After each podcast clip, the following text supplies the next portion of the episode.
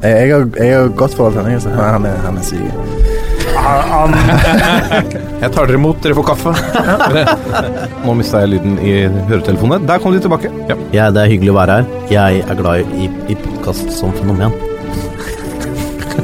Jeg må ut.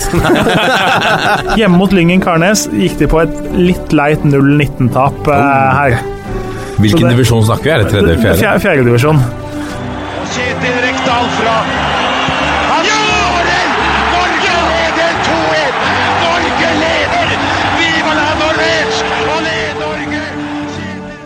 Og der er eh, toppfotball tilbake igjen. Vi har samla våre faste menn eh, som er tilbake i studio etter to såkalte spesialsendinger. Uh, Lasse Wangstein, velkommen. Jo, takk for det. Hyggelig å være tilbake. Har du vært trofast lytter på de to siste episodene? Selvfølgelig. Og det er bra.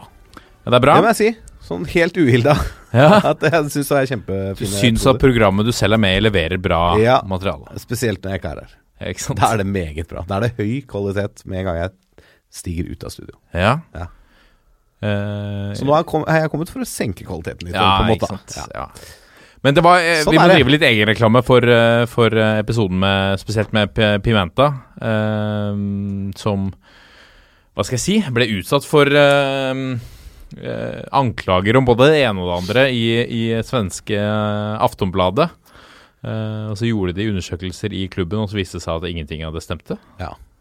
Eh, på det verste, som han sa, han sa seg skyldig i, at han har brukt til spillerne uh, to have balls. Ja. Eller uh, ikke spille som uh, pussies, eller ikke være pussies i dueller. Ja. Og det må vi Jeg sliter fortsatt med liksom Hvis dette er det man skal dømme folk på, da går veldig, veldig mange, tror jeg, fotballtrenere og næringslivsledere en, en tung, tøff tid i møte. Ja, en ting er jo at det er såpass må man tåle i en fotballklubb, men jeg, jeg, jeg får et par sånne popkulturelle referanser her. Den første er jo sånn Lost in Translation, den filmen. Ja. Eh, og det andre er en eh, låt av Jokke. Mm. Jeg lurer på om det var med Valentourette, som heter 'Billig lykke'. Hvor eh, det går noe sånn som eh, rykter, sladder, baksnakking er snadder. For folk som aldri har begått en tabbe i sitt liv. Mm. Eh, går vel teksten i den 'Billig lykke'-låta til Jokke. Jeg tenker på begge de når jeg hører om eh, hva Louis Pimenta har eh, opplevd i Sverige. da Ja. Fordi det er Hver gang jeg snakker fotball med han, så jeg, føler jeg lærer ganske mye, og så har han et eller annet eller en ny type innsikt, innsikt å, å komme med. Og han har en kunnskap og en, en tilnærming til fotballtreneryrket som jeg mener vi trenger her. Da. Det er litt unorsk i måten han eh, ønsker å lede et lag på. Han er unorsk, og så har han det der iboende engasjementet. Ja, ja. Den der, altså driven, virker det som. Eh, så jeg, altså jeg syns jo han er en eh, altså, Sånn jeg kjenner han, jeg har ikke møtt han, men altså, sånn jeg har hørt på han i et par podkaster av toppfotball og sett han på TV, og, og sånn, så virker jo han som en uh, fyr som uh, bør være lett å like. Sikkert litt krevende å ha med å gjøre, men det bør man jo være hvis man skal stille krav som leder. og jeg har en del tanker som eh, kanskje kan være Du ser jo i Sandefjord nå med Sifuentes. ikke sant? Det kommer inn med litt nytt tankesett, og så er plutselig Sandefjord eh, jeg tror jeg så, De er syvende beste laget siden, eh, siden sommerpausen Ja. i Eliteserien. En annen mann som er lett å like. Jørgen Kjernås, velkommen. Åh, det var en klein overgang. det var fryktelig. Vil du heller ha eh, en mann som kan kritiseres, eller eh, de andre Nei, negative tingene? jeg vet ikke. Eh, Jo, nesten. Det er lettere å ta imot noe stikk nesten enn komplimenter. Sånn. ikke det typisk norsk? da? Jo, jo, det er klart det. Ja. Føler du deg typisk norsk akkurat der? Akkurat der så er jeg ekstremt typisk norsk. Kanskje du trenger en trener med litt utenlandsk kompetanse? Innsikt. Ja, En godt coach? mulig. Godt mentalcoach fra utlandet er fint. Ja. Dette er jo en sending litt i din ånd, eh, Kjernås. I dag skal vi snakke om eh, Norsk om fotball. Norsk. Yes. det er helt riktig. Velkommen til denne podkasten. Om norsk fotball. Om norsk fotball. Vi skal snakke om, om eh, ikke bare Eliteserien og Obos-ligaen, men også Post Nord eh, og tredjedivisjon. For nå er eh, altså de avdelingene ferdige. Ja, nå er alt uh, ferdigspilt i tredje divisjon. Og i andre divisjon så er det jo kun kvaliken som gjenstår. Så det, og nedover i divisjonene så er det også ferdigspilt. Så det eh, Vi går jo inn i den stille tiden, er ikke det det kalles? Merker du, merker du at du At det er litt trist at det er ferdig, men også litt sånn Det det er litt deilig med en liten pause nå? Ja, begge deler. Men det, det, var, det var snodig forrige helg nå, den helga vi akkurat har bak oss, og så var det ingenting annet. Altså, det var jo Koffa mot uh, Fredrikstad, men det var det, på en måte. Det var ikke noe tredjedivisjon, det var ikke noen tabeller og livescore og noe å forholde seg til der. Så det litt underlig, er det. Men det får prøve å se familien litt òg, sier vinterhalvåret. Ja. I dagens sending skal vi eh, ta for oss noen lyttespørsmål som vi er veldig heldige å, å få inn når vi spør om det. Eh, gode ting å diskutere. I Pulsen skal vi se nærmere på landslagstroppen. Trenger ikke bruke så mye tid på den i dag, tror jeg. Det er ikke de store overraskelsene, men noe er det, kanskje. Eh, vi skal snakke om siste serierunde i Obos-ligaen, hvor det er spenning, i hvert fall i toppen. Eh, I eh, PostNord skal vi jo snakke om, om Fredrikstad. Kan de klare det umulige å snu dette resultatet 0-3 mot Koffa? Så må vi se på tredjevisjon. Hvilke lag har overrasket? La, hvilke lag har skuffet oss i sesongen som gikk? Så har vi noen punkter i Breddenytt, Kjernos. Ja, litt har vi, skal jo se på årets dag, i hvert fall. Det skal vi gjøre. skal vi bruke en del av tida på det, for det må, må vi jo begynne å kåre ganske snart. Det må vi. Og til slutt skal vi se nærmere på neste eliteserierunde. Men nå skal vi ha rundens øyeblikk. Dette er toppfotball. Da har vi kommet til rundens øyeblikk. Hvor skal vi nå, Lasse Wangstein?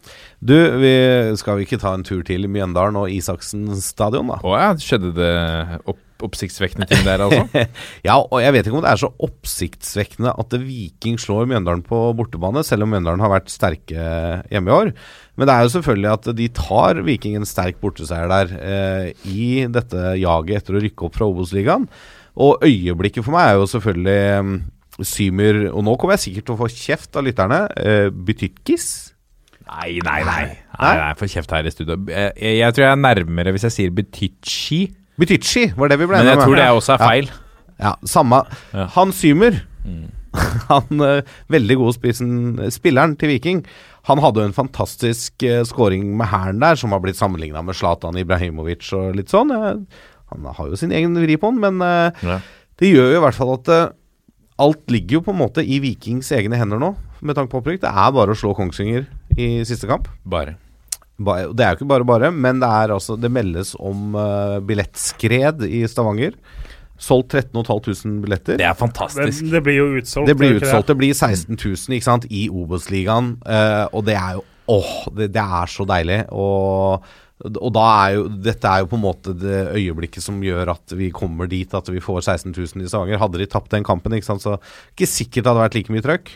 For da kunne jo Ålesund ha spist seg innpå, så Nei, Men det er jo også Kongsvinger har også masse å spille, spille for. De ønsker ja, å sikre de ønsker å sikre kvalik, og rota jo på en måte bort to poeng eh, hjemme nå sist. Ja. Eh, så for de er det viktig å ta et resultat i Stavanger. Eh, Det blir en helt sinnssyk kamp, det. Ja, ja. Det, det, det blir det, ikke sant. Det blir, det blir tut og kjør. Og, og det som er så deilig nå, er jo at disse, denne Obos-runden går jo klokka ett på søndag. Ja. Og, det er ikke det, og så er det eliteserie klokka seks. Så det er bare å benke seg klokka tolv, se på Obos direkte på Eurosport, og så bare kose seg. Så fantastisk det er at vi har så stor spenning i, i Obos-ligaen. Eh, Når, når liksom gullet ble avgjort vi har, Og vi hadde jo spenning veldig lenge i, eh, i Eliteserien nå. Så er det ikke eh, teoretisk avgjort, men eh, i praksis så er det jo det. At vi, at vi kan få siste runden der som en finalerunde i Ja, ja. Obos-ligaen. Men det er jo spennende nok i Eliteserien hvis du ser litt eh, lenger ned på tabellen. da Ja, ja, absolutt. Og ikke I bunnen, minst ja. kampen om 7.-8.-plassen i Eliteserien. Den er ganske Ja, spennende. den er hissig. Jørgen Kjernås, hva Yes. har du plukket ut fra eh, forrige runde? Du, vi skal til den siste fjerdedivisjonsavdelinga som blei opp og avgjort. vi. Eh, 23 opprykksplasser av 24 var jo klart i fjerdedivisjon. Djerv 1919, som vi har snakka om litt før, eh, kjempa mot Åkra om sisteplass.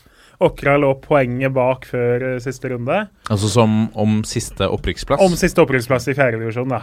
Eh, Åkra spilte hjemme mot Vold. Eh, de tok tidlig ledelsen og vant til slutt 12-0. Så det var tidlig klart at de vant sin kamp. De gjorde jobben. Med andre ord så må Djerv 1919 vinne borte mot eh, Hana for å rykke opp. Eh, slipper inn 0-2 i det 78. minutt, og da begynner det å se stygt ut. Så hadde Haugesunds Avis live her, og da rett etter 12-0 til Åkra så melder de klokka 20.42 mål Djerv 2-1. Maid Memic skårer fra korthold, men det er nok for sent. Spilt 89 nå. Så kommer at uh, passerer 90 minutter, og så 22.44. Mål 2-2. Sivert Helgesen oh, utligner etter 91.30. Og da har de tippa at ok, det er kanskje lagt til fire minutter. Ja, ja. Eh, 2046, corner Djerv, slås bak mål. Begynner å se stygt ut nå. Så kommer da klokka 2048, straffe til Djerv. Dette er helt utrolig. Og Jeg kjenner jeg er spent nå, jeg, på åssen det går. og da mål 3-2 til Djerv. Maid Memic eh, setter straffen i mål For nesten fem minutter på overtid. Han er jo spillende trener for laget, én av to trenere. Som vi, eh, vi har jo snakka om eh, kollegaene hans også, de trener jo Avaldsnes ja. damer også. Eh, men altså, for en avslutning, ja. De ligger under 0-2 rett før det er spilt 90. Ah, snur til 3-2. Nei, helt vilt. Så er jo den oppdateringa så nydelig, fordi Åkra var jo ferdigspilt. Og du ser de stå midt på banen og sjekker den her samme live-oppdateringa. Og den skuffelsen når du ser da at det Ja. piper inn straffe til Djerv. Liksom. Altså, det, fy Ja, for en følelse. Eh, de hadde vel ikke så stort håp før runden, men når du føler at det er 0-2, da Ja. Bare, faen, vi kan rykke opp. ja, ikke sant? Nå er de i ferd med å gå, og de hamrer inn og frispark og langskudd og gud veit hva. Uh, så det er jo så kontrast som det er mulig for en måte å avslutte fjerdedivisjonssesongen på. Ja. Du får liksom det største dramaet i den siste viktige kampen. Så uh, sparte det beste til slutt, gjorde fjerdedivisjon 2018, tror jeg. Det er helt sykt. Det er så eh, Men, men eh, ja, eh, eh, det er synd på de som ikke eh, klarer det. Men å klare, eh, fortsatt å klare det på en sånn måte, på overtid, fem minutter på overtid det er, Jeg har vært med på det to ganger med Ørn Horten, at de klarte å holde plassen i førstevisjon. Uh, første gang med keeperscoring i det 94. minutt, og den andre gangen med tre skåringer, tror jeg, på ti minutter. Eh, og det er altså eh, Det er eh, det, det bobler over av følelser, og du vet ikke helt hvor du skal gjøre av deg. Uh, og det er liksom Det er nesten for mye å takle, rett Ja, men det er jo noe med de der siste kampene når de begynner å bety så mye. Og det, det skjer så mye på en gang. Altså, husker jo Ålesund i fjor. Den siste kampen på Color Line der. Eh, jeg husker ikke hvor mange mål det ble skåra i den kampen, men det, var, det bare rant jo inn alle veier. Altså, det, det kommer noen resultater og noen utfall i slutten av årets siste kamp, når alt står på spill, som bare er helt ikke til å skjønne, egentlig. Nei. Og det er dette som er For meg, da, så er det dette som er noe av det vakreste med, med fotballen. Er de sene avgjørelsene. Hvis vi, får, hvis vi får gleden av Nå har vi fått denne her nydelige kampen mellom Viking og Kongsvinger, hvor det, er, det betyr kjempemasse for begge lagene. Ja, Det betyr kanskje enda mer for Kongsvinger.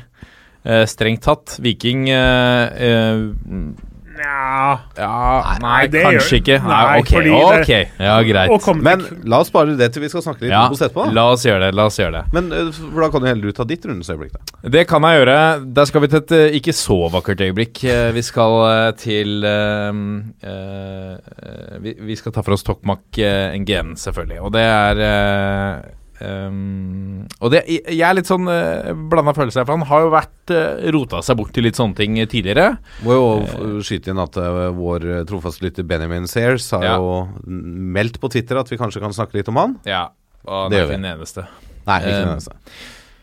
Han har jo vært borti litt sånne Han har, han har røra det til litt før, da, eh, Tokmak. Eh, og så har det vært litt, eh, ifølge Håvard, eh, vært litt sånn interne ting hvor han eh, eh, Vært litt, eh, hva, skal vi si, krabat på, på trening osv. Og, og, og, og kanskje har trengt en, en eh, liten eh, hvilepause på benken.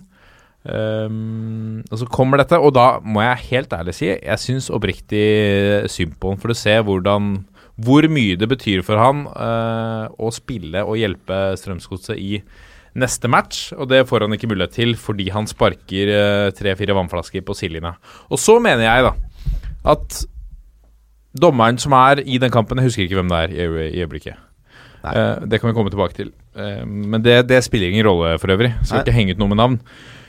Jeg mener at hvis du, når du ser den situasjonen som dommer, og du ser en som blir dytta, slengt inn i, uh, inn i innby- innbytterbenken sånn at han mister balansen Altså ikke noen stygg greie, men altså Du skjønner at her eh, kan man bli frustrert, da. Ja. Så gi et tilsnakk, da. Er du, er du nødt til å gi et gult kort her? Altså Les situasjonen.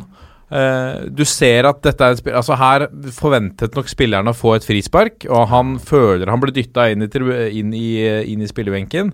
Ikke dra opp det gule kortet der, da. Det Nei, altså, jeg er litt sånn mangel på forståelse, fotballforståelse, akkurat der og da. Jo, jeg, jeg ser poenget ditt, og det kan jo på, en- én måte, kan, uten sammenligning for øvrig, da, men det er, du har jo denne Leicester-spilleren som dro av seg drakta og hylla den nylig avdøde eieren da Ja. han skåra mål i Premier League i helga og fikk gult kort fordi han tok av seg trøya. Der kunne dommeren kanskje bare Ok, jeg skjønner greia, du får ikke gult nå, selv om regelboka er tydelig. Ja. Eh, det har jo vært trenere som har blitt bortvist fra benken for å sparke i, eh, i innbytterboksen, eller sparke til flasker. Det har jo skjedd. Så sånn sett så er jo på en måte Det er jo greit nok eh, å gi et gult kort der, men jeg er helt enig at du kan vurdere situasjonen.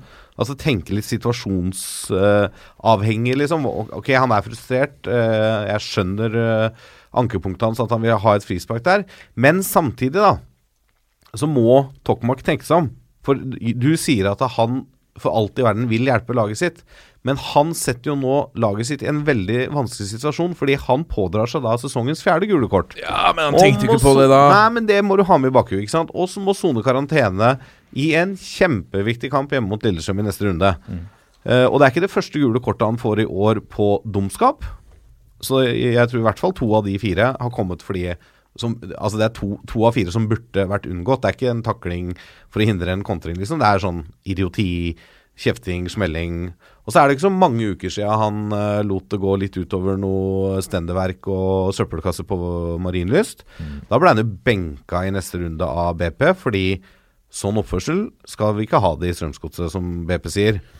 Så det er, altså, Han burde ha lært av det, da. Men uh, Jeg skjønner at det koker i kampens hete òg, men de ligger under 3-0. Det er 20 Men lært. Altså, skal du øh, Hvis dette er på in, in, eh, Hvis dette er litt på impuls, da Altså Vi snakker Ja. om profiler, personer hvor, som, som brenner inne, som, som har så mye engasjement, da. Ja. eh, og har eh, så mye aggresjon at de stort sett alltid klarer å prøve å, å Klarer å bruke det til noe fornuftig. Mm.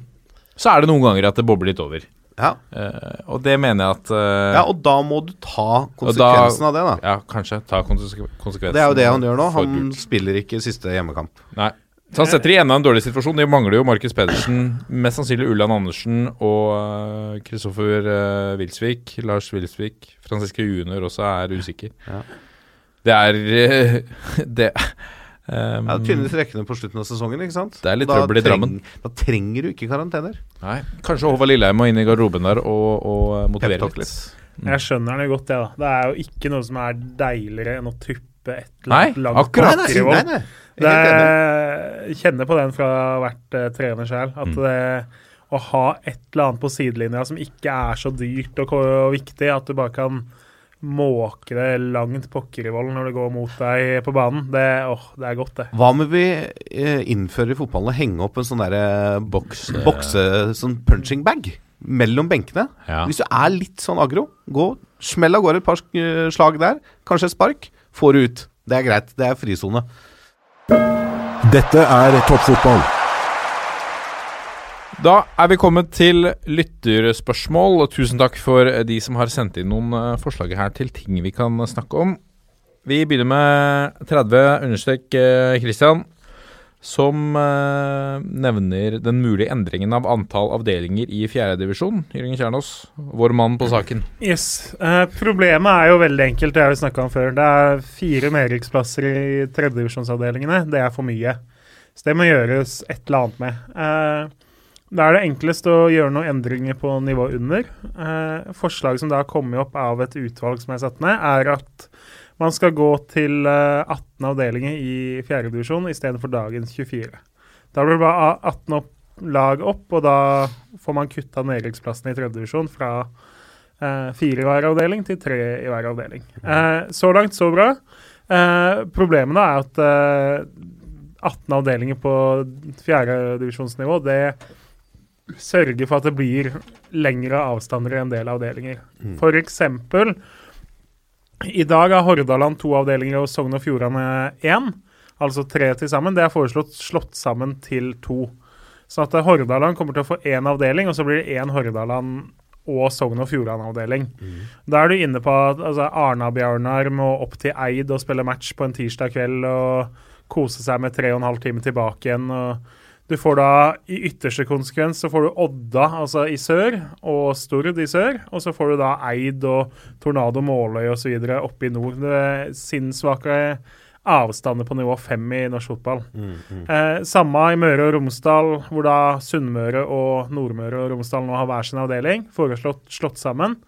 Eh, som for oss som ikke er fra fylket, jo kan høres fornuftig ut. Men da fra Sunndal til eh, Volda så har du ganske mange timer med buss. Og erfaringsmessig fra da de var i samme avdeling i tredje divisjon, så er det mange som ikke gidder å være med da. fordi istedenfor å dra til Molde på kamp, halvannen time, så får du fem timer til kamp osv. Og, så og da mister du ganske mange som ellers ville vært med. Så eh, veldig bra for tredjedivisjon. I fjerdedivisjon så er det ikke like bra, så det blir spennende å se når det her kommer opp på tinget. Eh, en mulig løsning er at sånn som Møre og Romsdal, så kan de bli enige, eller de må prøve å få til, da, sånn at de får mulighet til å de heller ha hver sin avdeling, én på Sunnmøre og én oppe i nord.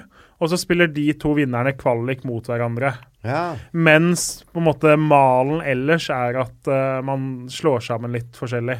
Mm. Uh, det er jo samme oppe i nord, så er det jo slått, foreslått slått sammen. Så da får du uh, Salangen mot uh, Bjørnevatn, en tur på sånn ca. 480 millioner mil. Uh, og da snakker vi altså fjerdedivisjon. Én ting er når du er oppe i annen og tredje divisjon, men i fjerde divisjon Og det er jo lange nok avstander på disse lagene oppe i Nord-Norge fra før av, på en måte. Ja, så Altså, for meg, da. Breddefotballen og fotballen på nivå 3 og 4 og 5, den har en egenverdi. Uh, alt det her som har handla om å kutte avdelinger, som har vært for å øke nivået eller, på divisjonene, sånn at norsk fotball skal bli bedre, og det skal være bedre for toppen. Eh, og det er fint og bra, det, men vi kan ikke la det gå utover bredden, sånn som det da gjør. Ja, på Så- nivå fem, liksom. Ja, og jeg, jeg er helt enig at vi må kutte nedrykksplasser i tredje divisjon, men jeg er fortsatt for at eh, vi går da til 3, 9, 27, altså tre avdelinger i andre divisjon, 9 i tredje og 27 i fjerde divisjon. Eh, noe sånt noe. Eh, for da Vil du ha tre avdelinger i andre divisjon? Ja. Fordi det matematisk går opp med 9 og 27. Den nye andredivisjonen har blitt kjempefin i seg selv, Ja. eh, så det er synd å måtte på en måte Du vil ødelegge ikke dra litt. ned kvaliteten igjen i Post Nord? Jo, fordi at uh, konsekvensen i tredje og fjerdedivisjon har blitt så store at uh, jeg syns ikke det er verdt det. Og det er jo synd, da, eh, uten at jeg kjenner inngående til økonomien i klubber på fjerde og femte nivå i Norge. Men det er jo synd om sånne klubber enten brekker ryggen økonomisk fordi at det blir så mye reising, Ja. eller at uh, fotballforbundet må bruke veldig mye reisekompensasjon, eller at spillere slutter å spille fordi at de har ikke tid. Altså de har familie, de har jobb, de har kanskje skole, og har ikke tid til å reise så langt. da. Så da må de nedprioritere fotballen, trappe ned og kanskje bare spille hjemmekamper. ikke sant? Så vil alle laga bare reise med de som eh, har tid og lyst, ikke sant. Juniorlag og så. Og det vil jo også gå ut over kvaliteten, da. Så det er jo mange aspekter her som må vurderes før man eh, øker reiseavstanden til disse laga så langt ned i systemet noe mer enn det det er i dag, tenker jeg. Ja, det, er, altså, det er jo allerede i dag hvor fjerdedivisjon har blitt sånn som det er nå, ganske behagelig da, i forhold til tredjedivisjon. Så er det jo haugevis av gode spillere i fjerdedivisjon som burde vært i tredjedivisjon. Mm. Men pga. reising og tidsbruk eh, og sånn, så gidder de ikke, rett og slett. Da er det mer behagelig å trene et par ganger i uka, spille fjerdedivisjon og leke seg der. Så eh, ja. Det, det, det er en kinkig sak. Eh, som sagt, går man til tre avdelinger i andredivisjon, dumt for andredivisjon. Men for helheten så er det det minst dårlige alternativet, mener jeg, når du da tenker på annen, tredje, fjerdedivisjon som helhet. Ja, vi skal holde oss i, uh, i tredjedivisjon, vi. Fordi at uh, vi skal snakke om et lag her som også holdt seg i tredjedivisjon, uh, som ikke klarte å rykke opp, nemlig Lyn. Ja, eh, vi deler jo innspillingsstudio bl.a. med Vestkanttribunalet, Lyn sin eh, eminente podkast, og de var ikke veldig fornøyd med, med årets sesong. Eh, nå har vi fått et spørsmål fra Daniel Gunnhus som lurer på hvem bør bli eh, Thomas Ødegaards erstatter i Lyn. Eh, Ja, det, jeg veit jo at Lyn i hvert fall eh, sikter ganske høyt. Det har det vel kommet litt signaler på. Hvor høyt snakker vi da? Nei Altså i lønn, eller i nivå? Ja, altså eller? Lyn har jo ressurser som gjør at uh, de kan sikte høyere enn de fleste tredjevisjons- og for så vidt en god del andrevisjonsklubber uh, kan sikte, da. Det går vel noen rykter om at uh, han eh, som akkurat tok Skeid opp, var aktuell for Lyn for noen år siden. Ja. ja. Mm. Kan det, det stemme, det- kan det stemme da, Nordli? Ja, men, nei, nei, men al- al- altså var aktuell. Det kan Ja, ha riktig. vært en dialog. Fått et tilbud. Kanskje, godt kanskje har fått et tilbud, kanskje Ja. Lyn sonderte markedet. Mm. Men det sier jo litt om hvilket nivå Lyn kanskje, i hvert fall da, hadde lyst til å legge seg på for å prøve å, å få dette opprykket de har jaga nå i to år, og ikke klart, da, Ja. med eh, Thomas Ødegaard. Og da er jo spørsmålet er, er det fortsatt den gutsen og viljen i Lyn og ressursene i Lyn til at det, ok, vi går på et år til, et tredje år, for å få til det opprykket til andredivisjon. For det er jo klart at Den lang langsiktige planen til Lyn er jo at de skal bli et topplag igjen. Mm. Men da må det jo begynne å skje noe. Eh, da, da kan de ikke drive og misse opprykket på målsekken i tredjedivisjon år etter år. Men jeg, eh, vi, vi kan jo ta noen potensielle kandidater. Altså, ja, vi skal se på noen navn, da. Ja. Det, altså, det er jo mange gode trenere som eh, mer enn gjerne kunne tenke seg å ta en sånn jobb, tenker jeg da. og det baserer Eh, du på Nei, fordi at de er arbeidsledige og har lyst til å fortsette som trenere, og Lyn er et såpass spennende pros eh, prospekt, da. Ja, for det er det. Det er jo det, ikke sant? Altså, Lyn har historie og ressurser og alt som gjør at man eh, gjerne vil ta over dem i tredjedivisjon, selv om man har høyere ambisjoner. Eh, ta f.eks. en som Hans Erik Eriksen. da. Mm. Fantastisk i Follo i eh, rundt ti år. Mislyktes i Hødd og mislyktes i Kongsvinger. da, Så han har mislyktes i to uh, førstedivisjonsklubber på ganske kort tid. Kommer til å slite med å få en hovedtrenerjobb der nå. I annendivisjon så er det ikke all verden av ledige jobber. Uh, Fortsatt Moss, da, som jo uh, han kan være aktuell for. Men uh, det er jo et navn som jeg regner med Lyn har på sin liste, da, Ja. og som ikke er helt urealistisk, selv om det er å skyte på en ganske høy hylle. Eh, Vegard Skogheim er ferdig i Ullkisa nå, også å sikte veldig høyt, fordi han har leda lag i førstedivisjon og toppen av andredivisjon veldig lenge. Men igjen, han, altså Skogheim kan ikke velge å vrake av andre jobber. Nå får han sånn, ikke noe HamKam-jobb. Det er ikke masse ledige jobber i andredivisjon, så hvis han har lyst til å fortsette å være hovedtrener, så er fort uh, Lyn et uh, av de beste alternativene. Så har du også unge folk som altså Luke Torjussen uh, har vært dyktig med Bærum i et par sesonger nå. Gir seg i Bærum. Eh, ung trener, kjempegod på å slippe til talenter. Eh, bra miks av eh, på en måte kynisme og offensiv sprudling eh, i spillestilen. Går jo da fra en middels god annendivisjonsklubb og eventuelt et steg ned, men eh, likevel altså ikke urealistisk i det hele tatt. Nei, altså, jeg tenker jo Lyn som klubb, altså vi snakker om ressurser og sånne ting, men Og Lyn har fått mye fortjent kritikk og latterliggjøring for lave tilskuertall i Eliteserien. Men altså, det er ikke mange tredjedivisjonsklubber som trekker sånn til 400 til 1000 tilskuere på hjemmekampene sine i tredjedivisjon. Nei, nei det Det det, det er litt trøkk i bastionen. Det er liksom en hard kjerne der som stiller opp uansett nivå og uansett tid på året. ikke sant? Det er, eh, det er engasjement rundt den klubben, altså. Og så ligger det jo latent hos veldig mange hvis Lyn skulle komme opp i annen og førstedivisjon. Eh, på et annet nivå enn eh, de aller fleste har mulighet til, i hvert fall i Oslo-området. da.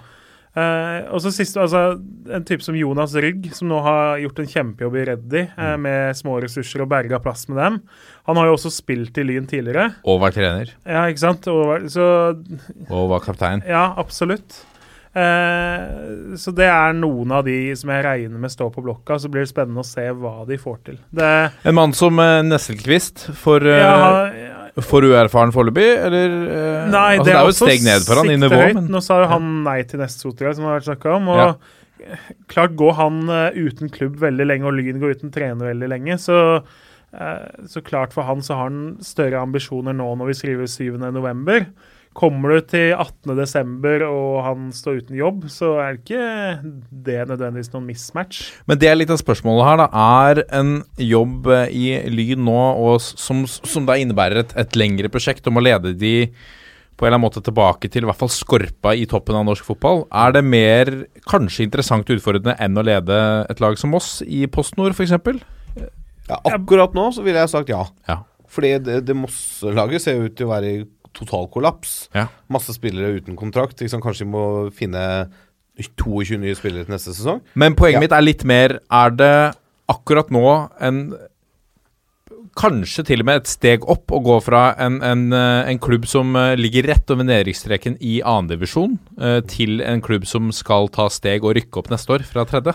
Altså, Jeg tenker jo som så at jeg tipper Lyn, Moss og Hønefoss eh, kommer til å jakte på en del av de samme trenerne og ha en del av de samme navna på blokka. Spiller også, sikkert. Eh, jeg tror ikke nødvendigvis at Moss er på en soleklar førsteplass hos alle de trenerkandidatene, selv om de er en divisjon over. Nei, det er Eh, mitt poeng, da. nett, Kanskje tvert imot for en del, fordi potensialet til å lykkes er så mye større med Lyn og Hønefoss akkurat for 2019 enn for Moss, som eh, Selv uten de problemene vi, ja, som har blitt avdekket. eh, med tanke på økonomien de har, da, så en midt på treet-plassering i andredivisjon er realistisk sett så bra du kan forvente av Moss. Ja. Så det er vanskelig å ta dem videre fra hvordan de har gjort det i 2017 og 2018. Jeg vil sammenligne det litt grann med Lars Bohinen, som gikk ned et nivå Ja. for å ta Ålesund. Det er ikke sikkert at han tar det opp, men allikevel, jeg tror potensialet i og rundt Ålesund er større enn i og rundt Sandefjord akkurat i dag. Ja. Og i hvert fall da han ga seg i Sandefjord. Og det er jo sånn Du trenger ikke Jeg må ikke alltid se deg blind på nivået de spiller på akkurat nå. Det er litt med hva, hva ligger latent der, og hva, hva er mulighetene. Ja. Jeg kan jo ta, Det, det, det syns jeg er gøy noen ganger, og for å vurdere eh, noen aktuelle trenerkandidater. Hvis man går inn på transfermarkt og, og ser på tilgjengelige trenere, så, så begynner jo drømmene å gå videre til de som ikke har en jobb for øyeblikket. Der har vi folk som Kåre Ingebrigtsen, selvfølgelig. De vil jo se Kåre danse på, på Frogner stadion, hvis det er der det blir. Eh, en, en mann som Steinar Nilsen. Det kunne også vært veldig interessant. Fått en av disse st virkelig store profilene da, til å ta den gamle storheten Lyn eh, opp. Vi har Per Brogeland, 65 år. Eh, det bør ikke være en oppgave for stor for han. Rune Skarsfjord, det kan jo være en uh, interessant type. Nå Ja, det- jobber han vel som speider for eh, Lagerbäck. Ja, og så jobber han på norsk toppfotball. Ja. Og han har jo, har jo jobba sammen med Lyn-sjef Rolf Magne Valstad flere ganger tidligere, så de har jo en link som gjør at eh, han automatisk vil bli nevnt når man skal spekulere. Absolutt. Ellers så har vi jo vår tidligere gjest Jan Halvor Halvorsen. Det er kanskje ikke en oppgave som Bryne. han har tatt over Bryne. så- Han har tatt over Bryne, selvfølgelig. Yes. selvfølgelig Det glemte Det jeg Det ble vanskelig. Det ble vanskelig Og du ratte de to jobbene samtidig. Ja, det kan bli litt utfordrende. En mann som Louis Pimenta, da? Jeg, Er for lavt nivå for han. jeg er ganske sikker på at Lyn uh, har tatt den uh, SMS-en eller mailen eller telefonen. I hvert Ja. Men eh, jeg blir vel, da blir jeg veldig overraska. Men bor ikke han i Oslo med. Oslo-bosatt kjæreste? Jo. Bor på Bislett. Barn nå, eller? Ingen barn. Nei. Men Ingen da, det kan jo hende han har lyst til å bo i området. Jeg spurte han rett ut om, eh, om eh, han kunne tatt en jobb eh, i PostNord. Ja. Eh, og da sa han vel at det alt avhenger av uh, mulighetene for utvikling. Ja. Eh, og så er det sikkert en del ting som også selvfølgelig lønn og, og disse tingene Jo, her. da. selvfølgelig, men Men, men kanskje Lynet er en klubb hvor han kan bruke en del av de uh, metodene som, som uh, Å gjøre noe av de samme tingene som han gjorde i Kongsvinger. Han har jo tatt en gammel storhet der til, til nye For det er Slått nye barrierer. Det er åpenbart at i en tredjedivisjonsklubb så er det begrensa hvor mye midler du har til å kjøpe et ferdigprodukt. produkt Eller hente et ferdigprodukt. Ja. Så du må utvikle. Ja. Du må utvikle den stammen du har, og utvikle de som kommer nedenfra. Mm. Altså fra junioravdeling og sånne ting. Og det er klart, altså En utviklingsorientert trener med et langsiktig perspektiv er jo en Det er jo den typen Lyn må se etter nå, mener jeg, da. Og da kanskje en trener med litt erfaring òg, ikke en som på en måte tar sin første trenerjobb i Lyn. Nei. Uh, for det har vi jo visst kanskje de to siste åra, at det ikke har nødvendigvis funker så bra. da Nei. Så se til uh, Pimenta. Det hadde vært fantastisk om, om, eh, om Louis eh, kunne tatt den jobben. Louis, ta, ta jobben på Oslo vest der. Ja. Vi går videre til et spørsmål fra Markus uh, Tømmerås, som lurer på om Mjøndalen kan etablere seg i Eliteserien. Rett og slett. Eh, ja, altså jeg ser jo Det ville vært kjipt av oss å si nei. Ja, men, ja, men altså, du kan jo selvfølgelig si at om Mjøndalen skal rykke ned, så tror jeg ikke de har ressursene til å klare seg i Eliteserien. Nå ser vi jo på Ranheim, f.eks., da. Eller Kristiansund året før, som nå gjenskaper det i år. Det er fullt mulig å etablere seg, og vel så det i Eliteserien, selv om du kommer opp med forholdsvis små ressurser. Eh, både på lønningssida og på administrasjon og, og alt sammen, egentlig. Eh, norsk fotball er såpass eh, unikt sånn sett, syns jeg. da det, at det er jo litt av det morsomme med det. At sånne typer klubber kan klore seg fast og etablere seg på øverste nivå. Så selvfølgelig kan Mjøndalen det. De var ikke langt unna å holde plassen sist de var oppe. Det var jo omtrent et eh, skudd fra Håkon Oppdal på Ullevål mot Vålerenga og litt til uh, unna det. Uh, selvfølgelig, som Kristian Gauseth sa da han var her, at uh, de var ikke gode nok. Men de var ikke langt unna å holde seg. Da kunne det vært en helt annen historie Mjøndalen akkurat nå. Det kunne hende de hadde vært enda bedre året etterpå. Mm. Så selvfølgelig, hvis Mjøndalen nå klarer å snu 0-5 mot Florø i fjor til å slå dem i år, og ta det opprykket som de så ut som de skulle gjøre ganske greit, så kan de etablere seg i Eliteserien. Helt overbevist om. Ja, og det er jo et et fellesskap der, en, en, et kameratskap og en kontinuitet i Vegard Hansen, i Kenneth Carlsen. De to gutta som har, uh, som har jobba rundt i laget, og ikke til forkleinelse for alle de andre dugnadssjelene i Mjøndalen men det er, et, det, er en, det er, en, sjel i den klubben. Og som Christian Gauseth også sa, Vegard Hansen han har blitt en mye bedre fotballtrener. Ja. Og uh, i tillegg skal vi ikke glemme her Øyvind Leonardsen, som mm. også Gauseth uh, riktignok off-air skrøyt uhemma av. Uh, hans uh, inntreden i det trenerapparatet. med hans karisma og, og naturlig autoritet og erfaring, ja. og ikke minst stories. Ja. Altså Han er jo Han holdt jo litt igjen på, på de vasseste historiene han var her i, i studio, men Gauseth har jo fortalte jo at han, han byr gjerne opp på, til dans på de gamle historiene han har fra Wimbledon-tida og, og, tida i England. Ja, og det er viktig for, for, for stemninga i, i garderoben. Ja. Men en annen ting som er viktig med Mjøndalen, er at de er meget sterke på dødball. Ja. Og det er aldri feil å være det uh, i norsk fotball. Nei. Uh, ja, du holder med et lag som er særdeles svakt både på offensiv og defensiv. Ja, det er helt riktig. Uh, og så har du jo f.eks. de som leder serien, er jo meget gode på bl.a. offensiv og defensiv dødball, og ligger jo der de gjør. Og Det er også fordi at de er det beste laget og har de beste spillerne og alt det der. Men de er også en av de beste på dødballer i begge bokser. Mm. Og du må være det i ja. Eliteserien. Er du ikke det, da blir du spist levende i enkelte kamper. Ja. Vi går videre til et spørsmål fra Quadrofenia på Twitter. Han sier følgende Espen Olsen til HamKam som sportssjef. ble jo klart nå nylig at han eh, forlater eh, Strømmen. Tok, eh, det står respekt av, han tok Strømmen til førte til sikker plass, før han nå pakker snippsekken og drar til Hamar. Ja, han har jo et veldig nært forhold til både Strømmen og HamKam etter hvert, så ja. jeg tror ikke det har vært et lett valg, men han ser jo at HamKam har et større potensial enn Strømmen, og han får en litt overordna sportssjefrolle der, så jeg skjønner jo at han har tatt det valget. Men nå eh, lurer Quadrofenia på eh, Magnus Persson er en kandidat som ny trener. Noen kommentarer? Ja, Ser du på CV-en hans, så er det oppsiktsvekkende. For han leda altså Malmö, svære Malmö, til allsvensk eh, gull sist sesong. Eh, men så er det litt sånn at, eh, at han ble ansatt som Malmö-trener, kom veldig overraskende på de fleste. Og eh, han fikk jo sparken da tidlig i vår, når de starta sesongen elendig. Og var litt sånn Jeg snakka med en svensk uh, kompis som uh, antyda litt at man tenkte kanskje at man har en sterk spillergruppe, og da passer det ikke så godt med en sterk trener nødvendigvis. At det var litt sånn ansette en som ikke trenger å skinne selv, men som kan la spillerne skinne, som var grunnen til at han fikk den jobben. da. Ja, Det kan jo slå begge veier. Det kan jo slå begge veier. Eh, så klart De tok seriegull i fjor, så det er vanskelig å kritisere det.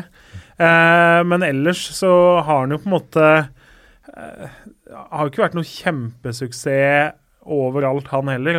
Men vi snakker likevel en trener som har vært i Djurgården, som har vært i Aalborg, som har vært i IFK Göteborg, som, altså som spiller. og har trent Aalborg, trent Djurgården, trent Estlands landslag, og så Malmö. og jeg, HamKam er på en måte ikke det naturlige neste steget på den lista, da. Nei, fordi at, og da kommer jeg tilbake til det samme igjen, er HamKam et så interessant prosjekt at det er verdt å ta turen ned et nivå for å bli med på oppturen? Ja, tydeligvis så kan det jo være det, og klart han uh, er på en måte litt brukt opp i Sverige, da. Mm. Eh, eh, så at han Kjip følelse kan- at du, er brukt opp. Det hørtes veldig brutalt ut, da, men altså nå eh, Ja. Han har vært rundt. så regner jeg da med at han kan nøye sjekke på en måte hva slags trenerprofil de vil ha. da.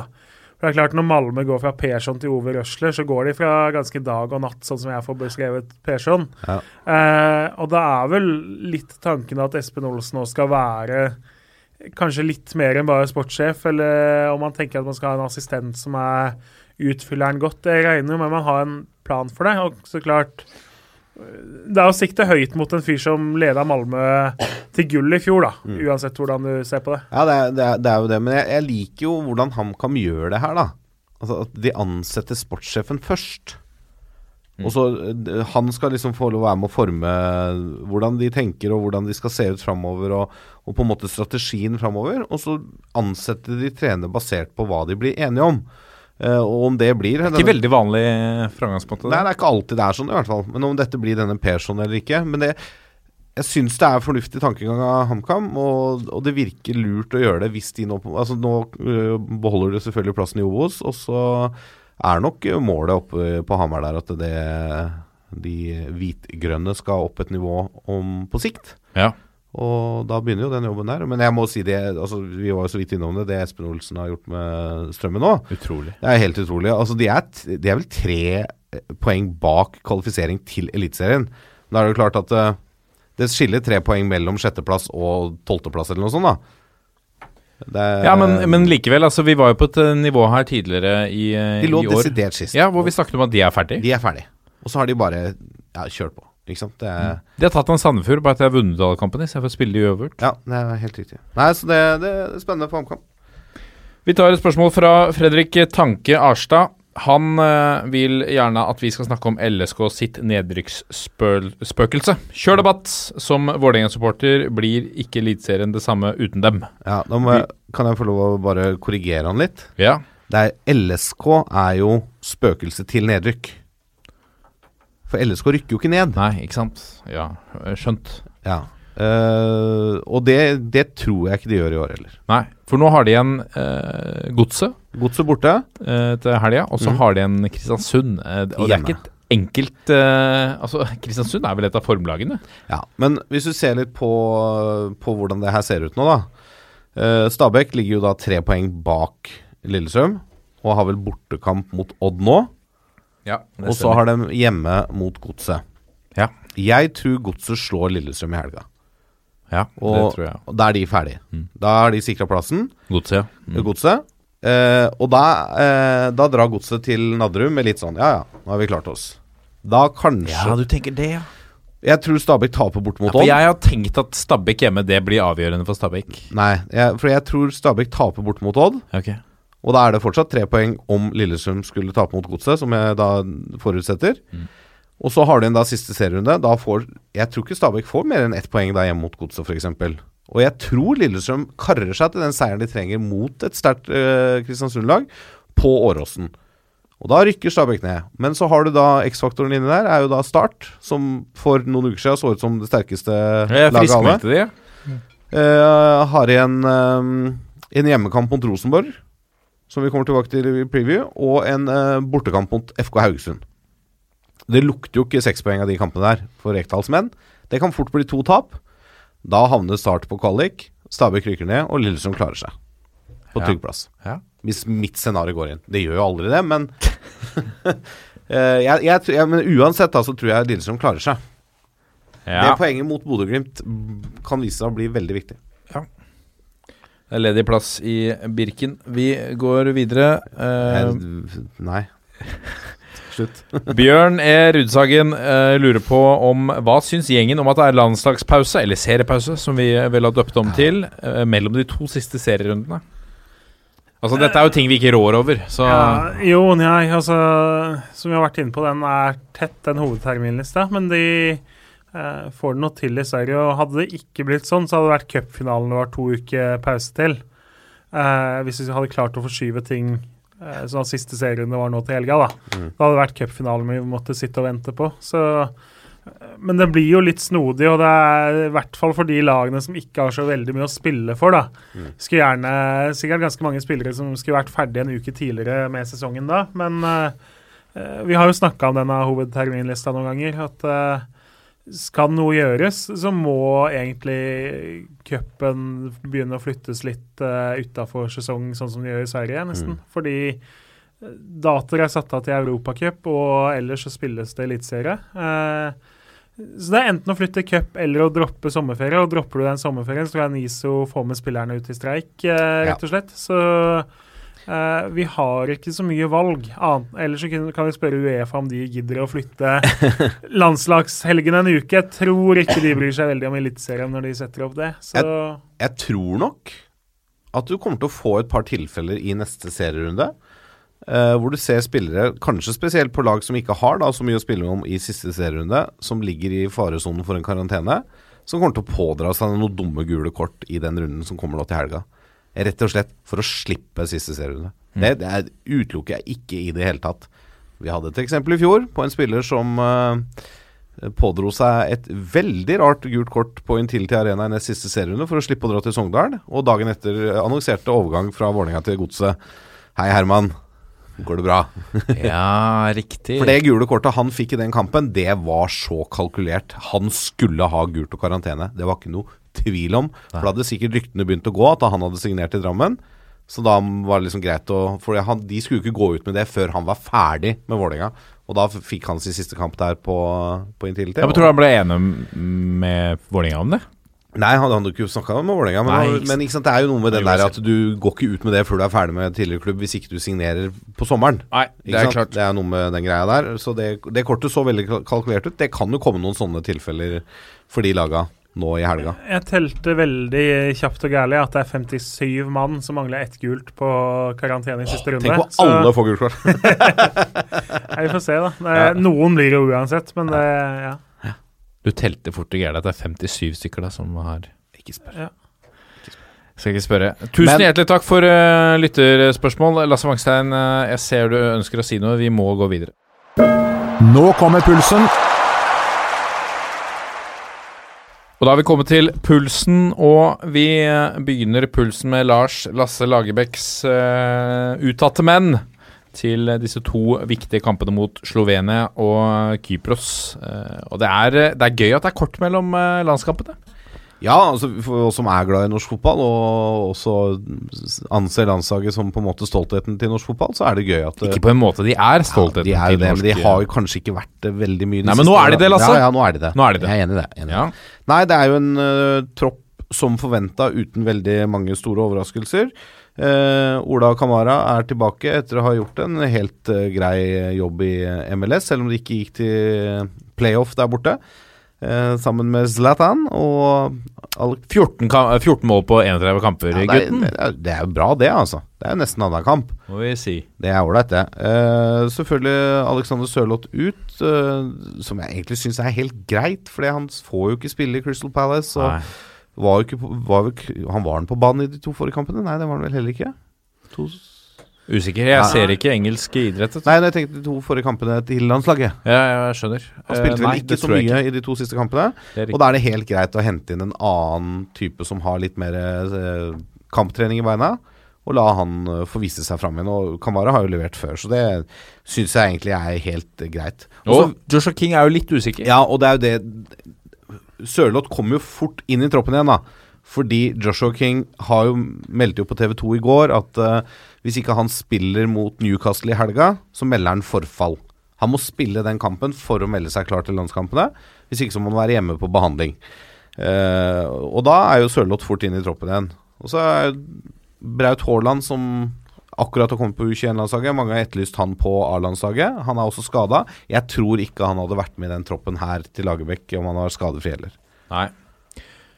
Kjernas, savner du noen uh, i denne troppen?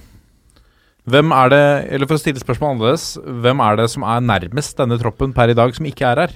Med Kristoffer Sakariassen også ute med skade, så er det nok fort uh, Erik Hestad som, uh, Erik Hestad som er nærmest, vil jeg tro. Selv om Lagerbäck ikke eh, ble veldig fyr og flamme over det alternativet sist uh, samling.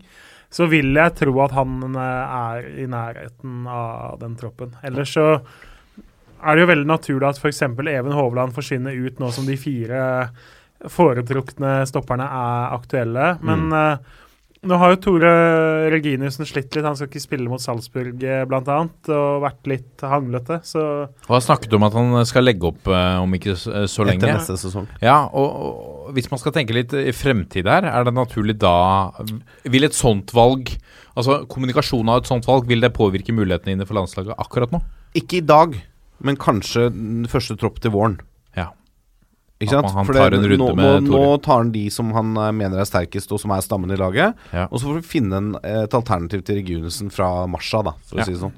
Tenker jeg. Uh, jeg tror også Magnus Wolff Eikrem kan begynne å nærme seg en landslagstropp hvis han fortsetter å prestere som han har gjort i det siste, for han har vært uh, briljant for det Molde-laget som er i helt grei form. Jeg har hørt rykter om at Per Johansen var i Belgia for å se på eh, Simen Juklerud. ja, det Og det Ja.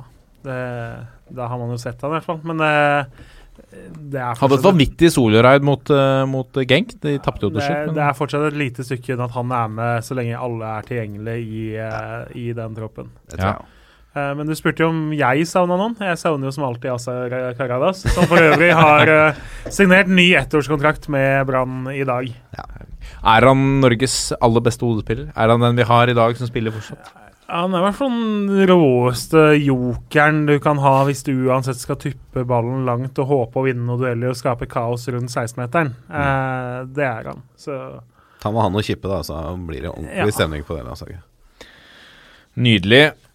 Det er eh, en, en god, fin tropp som er tatt ut. Eh, godt å se. Martin Ødegaard er tilbake også blant uh, våre el eldste. Vårt eldste landslag. Møller det er ute, da. Det er han. Eh, Skåra mål i helga. Ja. Eh, så, men det er klart det, det er tett om de der plassene på midtbanen og de litt uh, innoverkantplassene på det landslaget nå. Vi begynner å få bra dekning der, så at det blir noen sånn 1-2 ut, 1-2 inn i hver eh, tropp, det tror jeg vi, vi må forvente. Og, og Møller Dæhlie er jo da tydeligvis nå en sånn spiller som ligger i skorpa. Vi raser videre til uh, uh, denne seriefinalen i Obos-ligaen som vi allerede har foregrepet uh, litt. Jeg har lyst til å touche en ting som, som vi ikke tok for oss i stad, nemlig Bjarne Berntsens personlige revansj. Det må ha føltes litt som det, uten at jeg, jeg tror at jeg tror at Bjarne Bjarne Berntsen, nettopp fordi at han er en, en gammel sirkushest eh, Ikke en dinosaur, det var ikke våre ord, men nettopp fordi at disse tingene som har blitt kasta mot han, eh, jeg tror det preller av ganske greit. Man setter det på kontoen for litt engasjement og en, eh, en metode for å fyre opp litt. Men det må være uansett litt deilig at han senka Christian Gauseth etter at de lå under. Jo, jo, selvfølgelig. Han har sikkert følt på det, og det har sikkert vært digg for alle som er glad i Viking og spillerne. Og, Aller mest for supporterne, sikkert. Ja, ja, ja åpenbart. Men jeg, jeg syns jo det er så deilig også, da, at vi har sånne typer som Kjempebra. Christian Gauseth, Ja, ja. som tør å stå og si det. Og gjør, han gjør det helt bevisst for å skape fyring. For å skape engasjement rundt Obos-ligaen, som han selv spiller i. Mm. Og han lykkes med det. Så det er helt nydelig. Ja, det er en personlig revansj, og det er en kjempeopptur for Viking, selvfølgelig, og da nå på en måte være i førersetet her. Og så blir det en eh, Altså den avslutninga her? Du har strømmen, Vi nevnte Strømmen og Espen Olsen, som eh, bare reiser av gårde her. Får da besøk av Ålesund. Det er ikke noe lett oppgave for Ålesund å komme til Strømmen stadion nå, altså. Nei, overhodet ikke. Og de, også Ålesund må vinne, og Mjøndalen eh, eller Viking må rote bort poeng for at Ålesund skal rykke direkte opp. Mm. Mjøndalen skal møte Florø borte på en tung, sannsynligvis våt og gjørmete gressmatte. De er jo et kunstgresslag, eh, men gode på dødball. De tapte 5-0 der i fjor, da Endre Kupen herja med dem. Eh, Det blir ikke noe enkel oppgave for Mjøndalen. Og som vi nevnte, det er ikke, noe, det er ikke nødvendigvis enkelt for Viking eh, foran et fullsatt stadion med masse press og forventninger og ta imot Kongsvinger heller. Så det er jo helt åpent. Og et Kongsvinger som da ikke minst uh, fort må ha poeng for å berge kvaliken. Fordi. Nest Sotra og Tromsdalen jager bakfra. Ja. Og Nest Sotra har jo da Åsane hjemme. Eh, Åsane kjemper jo om å unngå kvaliken. Men har sett grusom ut. Og Ja, altså, helt mot strømmen her, så eh, Nesten glad på vegne av de veldig mange som ikke møtte opp, for der så det ut som det var 14 mann på tribuna. Ja, ikke sant? ja. Og så har du da Ullkisa ser jo ut som de har sikra kvaliken nå. Ja, da er det så veldig mange mål, eh, mål Ja. måls målforskjell. Jeg var for øvrig eh, og overværte Ullkisas eh, hjemmekamp Overvar. Mot, overvar, heter det. Ja, det er helt riktig. Eh, Hjemmekamp mot uh, Jerv, Ja. hvor Jerv tok en tidlig ledelse. Ja. Uh, og Ullkisa da skåra fire mål. De skårer jo masse mål. Uh, og vinner 4-1 og, og mer eller mindre sikrer kvalikplassen. Eh, det var fin, eh, fint helt på slutten der hvor eh, Ullkisa-legenden Jørstad, som har vært her i 16 år, blei takka av. Han fikk de siste minuttene, fikk på seg kapteinspinnet og fikk komme ut på å motta hyllesten. Det var stående applaus og stormende jubel. Herlig. Det var et fint øyeblikk som like gjerne kunne vært rundens øyeblikk i dagens sending. Ja. For meg, da. La oss rase videre til PostNord, eh, Jørgen. Der eh, er jo eh, ting avgjort. Hvem som rykker opp. Skeid og Raufoss har jo feira opprykk til gangs. Ja, og for lengst. Og for lengst. men det utkjempes nå mellom de to andreplassene, Fredrikstad og Koffa, hvor Koffa må sies å ta et meget eh, langt steg mot, eh, mot neste års Obos-liga med 3-0 i første match. Er det mulig her for Fredrikstad å komme tilbake? Ja, selvsagt er det mulig. Ja. Eh, men vi er på at vi er på under 10 eh, her. Eh, veldig overraska over hvordan Fredrikstad framsto eh, på EQR. Eh, for det første så rokerte de litt på laget og så ut som nå Altså, de bytta spissparet da, som har spilt sammen hele sesongen. Dytta Veteli, som har vært bra i høst, opp på topp sammen med Kjell Rune Selin, som har sittet på benk. Vraka da Aalbu og Nilsen. Og så Så det da du prøver å si er at Per-Mathias Høgmo dytta en midtbanespiller opp på en angrepsposisjon i en avgjørende kamp?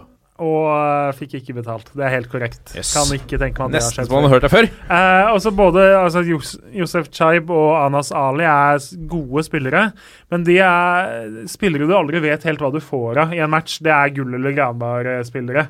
Potensielle matchvinnere eller svake. Eh, så jeg er veldig overraska at han valgte den tilnærminga istedenfor å velge de litt mer safe kortene i den kampen her.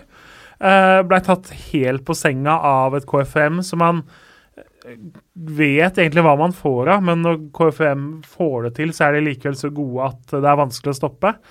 Koffa hadde en topp dag, løp i senk, eh, brudla og så ut som de syntes det her var gøy, mens det var alvor for FFK. Eh, og det er klart, eh, på lørdag da så regner jeg jo med at pennene gjøres klare i Fredrikstad Blads lokaler. For hvis ikke Fredrikstad rykker opp, sånn som det jo nå ser veldig lite trolig ut at de klarer, så er jo det her en fiaskosesong. Ja. Eh, Så brutalt er det. En annenplass og tap for Koffa i kvalik. Det er ikke godt nok for Fredrikstad. Det er ikke godt nok med de ressursene. og Det er ikke godt nok når du henter inn en fyr som eh, hadde sin forrige jobb som landslagssjef for Norge. Eh, så årets sesong er i ferd med å bli mislykka for Fredrikstad. Men det viktigste var jo ikke opprykk. Det ikke utvikling. Ja. Ja, men uff, ja. Det viktigste for alle som bryr seg om Fredrikstad, er å rykke opp. Og Ja, ja, jeg tror man hadde godtatt veldig mye spillestilmessig for å vinne de kampene. Du, eh, I en kvalik så mener jeg da det er veldig snålt i første kvalikkamp å på en måte gå all in, nærmest da. Det er, kampen varer i 180 minutter, og får du med deg uavgjort borte, på bortebane, så hadde de hatt en nydelig sjanse. Det er jo lett å sitte på utsida her og observere det, men det er jo et paradoks at det samme skjer igjen i en avgjørende kvalifiseringskamp som det gjorde mot Ungarn. At uh, han gjør litt sånn utradisjonelle valg inn mot en kamp som kanskje innebærer nok nervøsitet, nok spenning fra før. Og at det er kanskje da man trenger å stå fast ved det trygge. Og så kan det jo ha skjedd ting her som ikke vi aner noe om, altså, noe om selvfølgelig. Selvfølgelig. Men, det, Men, det, men jeg har hørt flere av oss reagere på måten, måten han kommuniserer i etterkant av skuffende resultater. At han hele tida prøver å bortforklare. Og jeg, jeg må si at jeg, noen må kanskje fortelle han at den, det er ikke så mange som kjøper den kommunikasjonen. Jo, men ja, det, det kan du godt si at noen sikkert bør fortelle han. Men det er klart, når du begynner å bli en Uh, mann med ganske bred erfaring, da, og har lykkes på flere arenaer, selvfølgelig, Ja, ja. så er det er ikke så lett øh, og ei heller på unge trenere med veldig høy selvtillit. Det er ikke så lett å få de til å kommunisere noe annet enn det de vil, og det de tenker der og da.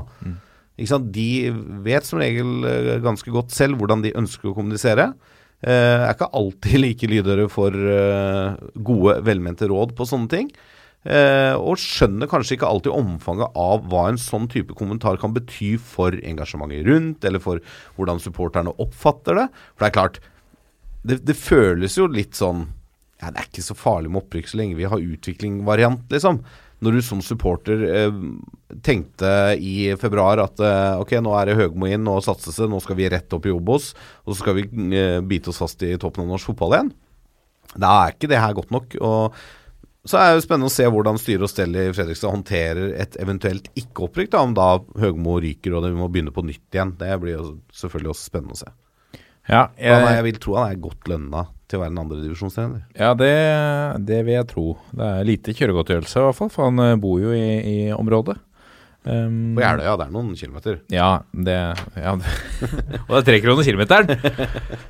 La oss gå videre da til, eh, til tredjevisjon. Uh, Jørgen Kjernås, eh, først og fremst er det noe spesielt oppsiktsvekkende her ved, ved noen prestasjoner, enten i bunn eller topp? Ja, det er det jo uh, alltids. Uh, men jeg må jo først si for en sinnssyk avslutning vi hadde på sesongen. Uh, vi hadde jo reine opprykksfinale mellom Senja og Frigg og mellom Sotra og Fyllingsdalen, som jo levde til siste slutt. og spenning til dommeren blåste av. Fordi Senja vant jo 1-0 i sin kamp etter en litt uheldig keeperopptreden. Frigg hadde rykka opp med uavgjort, så de jaga jo til siste stund. Eh, På Sotra så trengte Fyllingsdalen seier. De utligna til 1-1 rett før slutt, men fikk aldri målet. Så det var drama til siste slutt. Og så hadde man en annen intern duell i bunnen med Kolstad-Levanger. Hvor Kolstad måtte vinne for å berge plassen på bekostning av Levanger 2. Og da snudde 0-1 til 2-1 på overtid med to skåringer. Så de tre måte, finalene i tredje divisjon var så dramatiske som eh, de kunne bli. Jeg må bare skyte kjapt inn her. Jeg bare ser på tabellen her. Frigg, da som ikke rykker opp, de slapp inn 14 mål de på 26 kamper. Ja, det er helt vanvittig. De holdt vel nullen i ni av ti kamper i en periode. Holdt nullen i nesten 900 minutter, mener jeg han gjorde. Så eh, meget imponerende sesong, men likevel skuffende da når det ender sånn som det gjorde oppe i Senja. Hvor de heller ikke leverte en god prestasjon og så litt prega ut. Eh, avdeling 1 så er jeg veldig skuffa over Ullern. som Jeg, jeg tippa de på topp. De ender på niendeplass, nærmere nedrykk. Og med en haugevis av poeng opp. Eh, gjort mye rart eh, av resultatet med en god spillertropp. Eh, avdeling 2 hvis jeg, jeg har jo sittet og sett litt på egne tabelltips. Der var det som venta at det var Kvikkhallen og Eidsvollturen som kjempa. Eh, skuffende med Skedsmo eh, ned, som eh, leda tabellen til sommeren i fjor og så knapt har vunnet en fotballkamp siden. Eh, avdeling tre, der måtte jo ditt Ørn Horten eh, trekke korteste strå til slutt mot Sola. Var bittert. Og det er klart, da var det jo Det var best i 70 minutter mot eh, var det divisjonsforskjell på Ørn og Sola, og så la de seg bakpå. Jeg sa jo tre-fire-fem runder før slutt at jeg trodde Ørn rykka opp, men de må vinne resten av kampene for å greie det. Og da at det ble uavgjort mot eh, Sola istedenfor seier, det var jo da det avgjørende. Eh, der tipper jeg jo både Don og Halsen kan le av mine tabelltips. De ble nummer fem og seks med 41 og 40 poeng. Jeg tippa begge på nedrykk.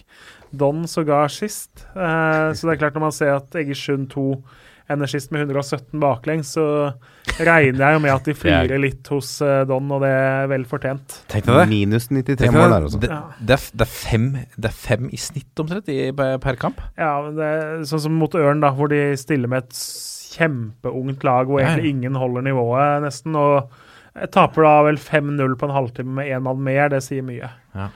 Avdeling fire. Jeg må jo si jeg er imponert over Sola òg, hvor da Mikael Brekke og Iven Elvestad kom inn og tatt over.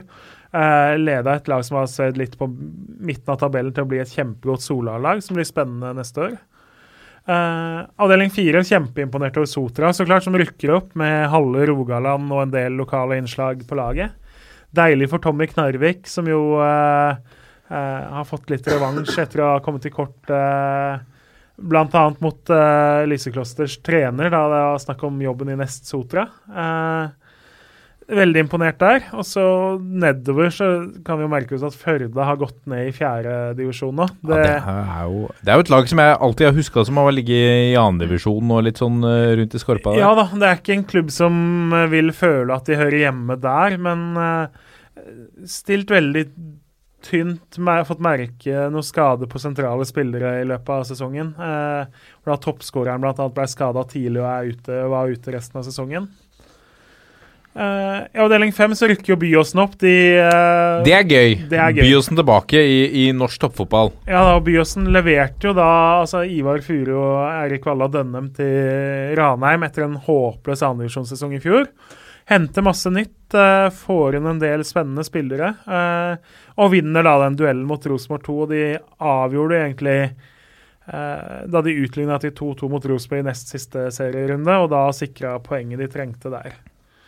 Ellers så litt sånn som forventa nedover. Tynset òg går ned i fjerdedivisjon. Eh, hadde jo da et Berge Plassen-oppgjør mot Orkla i nest siste runde.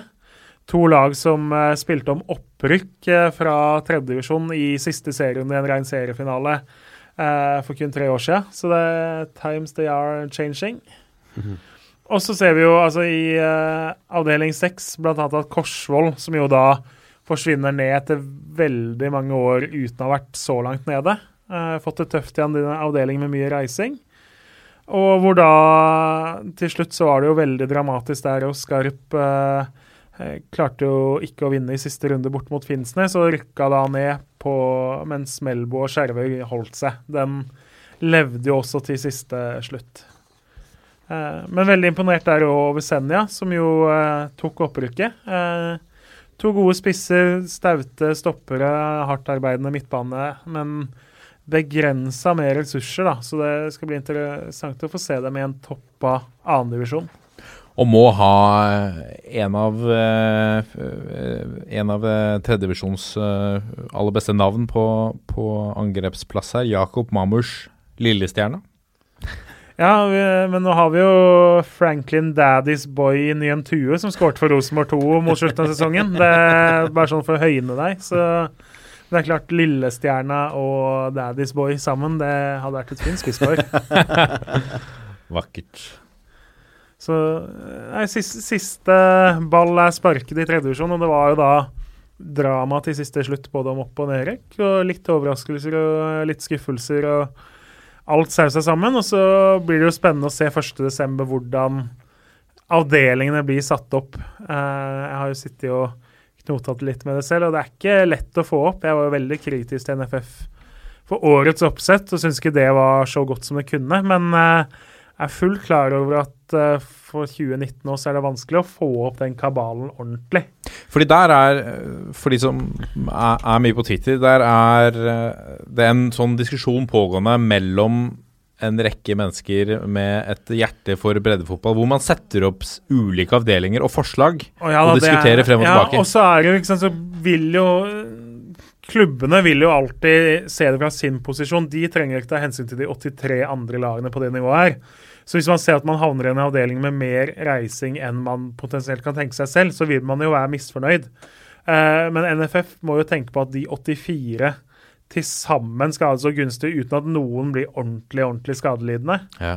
Eh, det er mulig å få til, men det må noen varianter til eh, for å få til det også. Eh, og det er jo litt av problemet at det er ikke noe geografisk bestemmelse for avdelingene. Det er 84 lag, og så skal du prøve å lage seks best mulige avdelinger her. Fordele opp- og nedrykkslag, fordele andre lag, fordele sportslige kvaliteter, i tillegg da til at det geografiske skal få opp. Så det er ikke sånn som kabal på gamle Windows med bare 52 kort og hvor kortene bare Hvis du klarer det, så Ja, ramler de ned. Å, ja, nei, det, det blir ikke noe sånn rakettoppskyting på kabalen til NFF uansett hvordan de løser den. Altså, synd. Men uh, noe fins jo, så følg med. Jeg har 30 Christian, som jeg har jo som en fast innsender, har kommet med et fint oppsett, blant annet. Jeg syns jo mitt er enda bedre, selvsagt. Mm. Og så har det kommet noen varianter som er så på Twitter, og som er litt underlige, hvis det er lov å si. Det kom, jeg har sett noen varianter som uh, jeg håper ikke NFF uh, tenner på, for å si det sånn. Det blir spennende å se om oppsettet blir bedre enn Kristian Fardal Oppsett sin scoring i forrige runde. Dette er toppfotball. Og fra bredde til mer bredde. Vi skal til Breddenytt ved Jørgen Kjernås, vær så god. Skal vi ta for oss uh, litt uh, toppskårere? For vi må jo snart uh, Dang! bestemme Dang. Uh, Årets Dang. Litt av problemet både i annen, tredje, fjerde, til og med femte divisjon, er jo at veldig mange av de som gjør det godt på listene, er spillere som jo ikke er på vei opp og fram, men som gjerne er på vei motsatt vei i karrieren, og gjerne har spilt høyere opp med eh, middels uttelling, og da faller de jo på en måte litt ut av dang.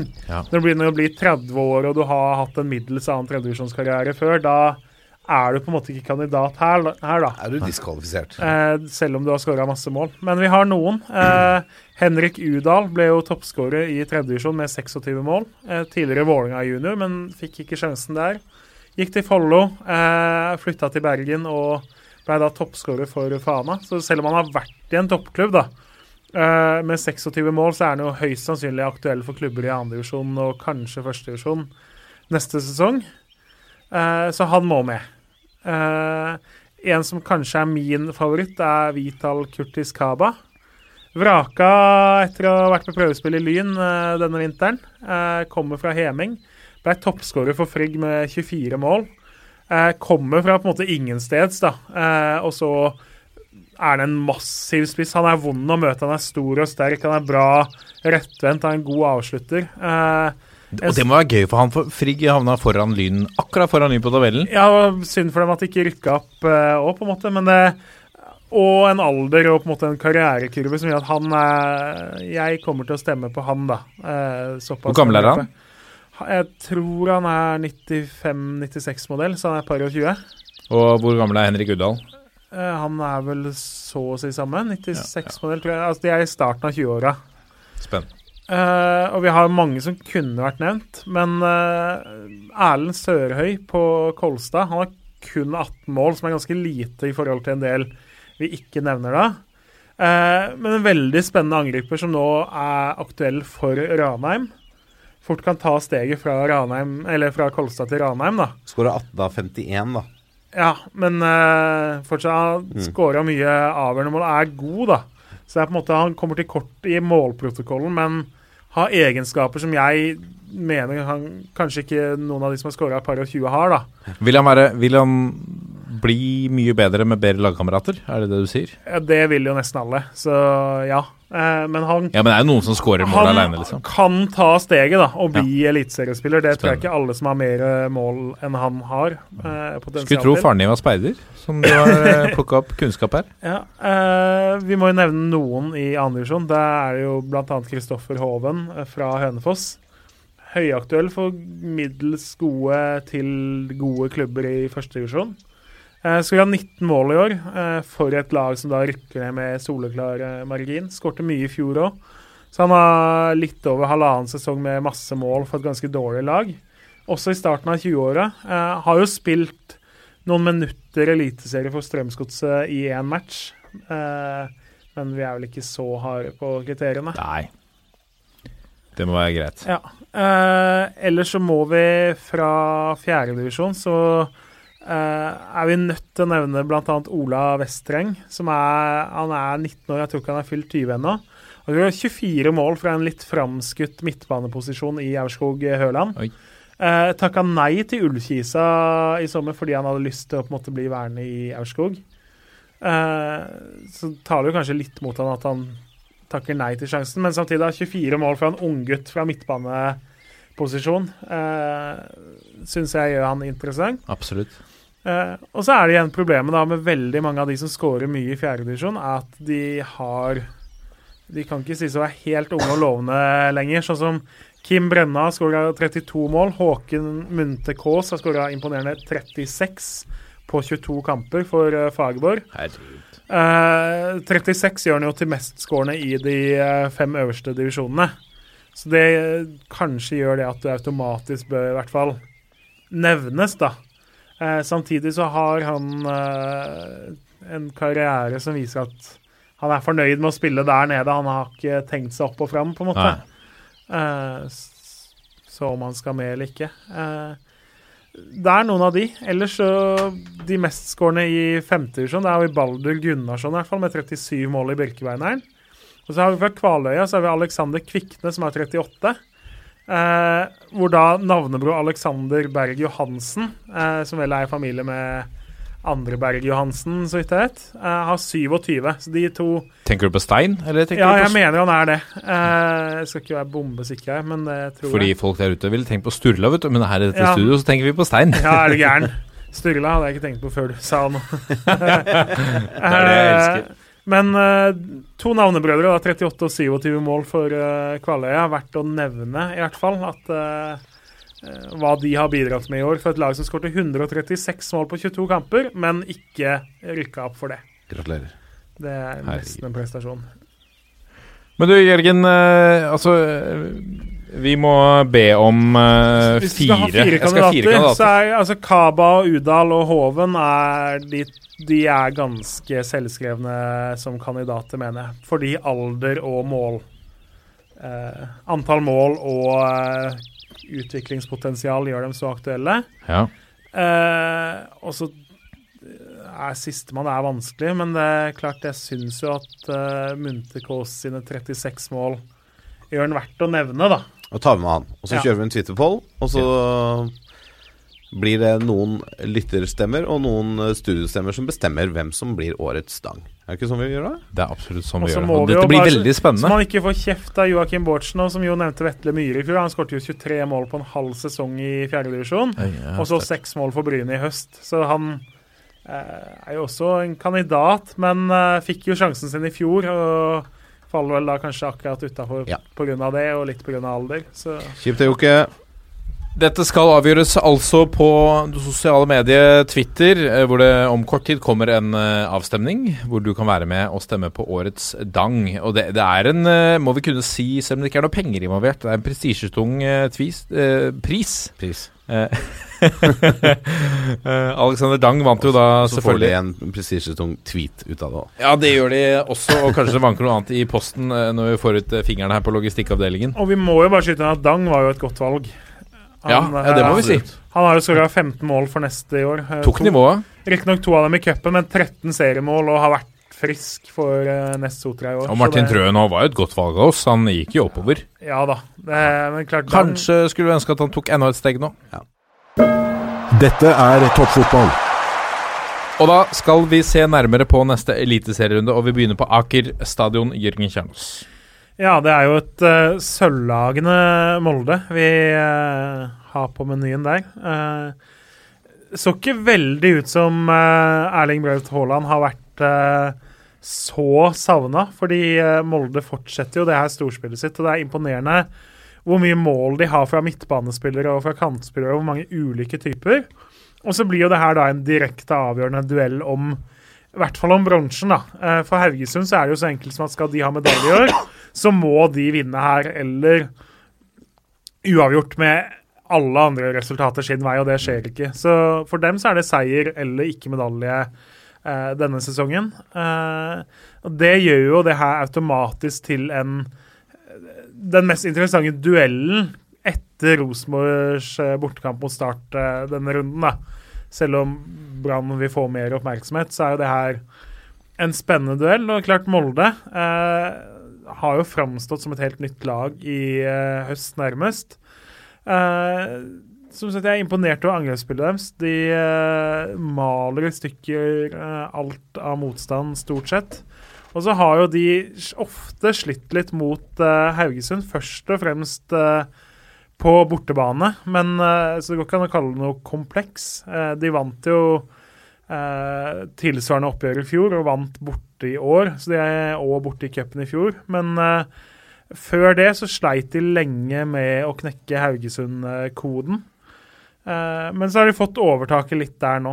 Eh, forventer litt en uh, tett, jevn kamp, sånn som nesten alt av Haugesunds matcher er, fordi Haugesund er vanskelig å bryte ned. Så det blir på en måte en interessant sånn kontrastfylt kamp da, med et Haugesund-lag som er seige, mot et Molde som uh, er i storform offensivt. Uh, hvem som på en måte har, klarer å få til sitt spill best der, da. Uh, og så er det jo litt interessant at Ibrahima Waji har vært ganske god for Haugesund i år. Han er jo på utlån fra nettopp Molde og kan jo da eh, senke det som egentlig er arbeidsgiveren hans. De har jo Tobias Svendsen også på lån, men han har spilt vesentlig mindre og får neppe en så stor rolle i, år, i helgen. Ja, vi går videre til Bodø. Lasse Wangstein. Skal Vålerenga by på litt mer underholdning enn de gjorde på Intility Arena i helga? Ja, det hadde kanskje ikke gjort noe, det. Um, Bodø-Glimt er jo ikke helt ut av nedrykksfaren. Uh, og med serieavslutning borte mot Rosenborg på Lerkendal, en kamp Glimt sjelden uh, vinner, så bør det nok minst hentes ett, eller sannsynligvis tre poeng i denne kampen, om de skal være helt sikre da på å unngå kvalifiseringsplassen. Um, de har syv kamper på rad uten seier i Eliteserien, uh, men har spilt uavgjort i sine tre siste. Og når du har dårlig form, så passer det som regel å møte det laget jeg ofte har kalt de hjelpeløses hjelper, Vålerenga. Og I hvert fall når du tenker på hvordan Vålerenga har fremstått etter borteseieren mot uh, Lillestrøm i september. Uh, det ser ut som det er gunstig å møte dem nå. Det ser jo Altså, uh, På de syv siste da, så er det den seieren mot Lillestrøm, og så har, har Vålerenga fire tap og to uavgjort.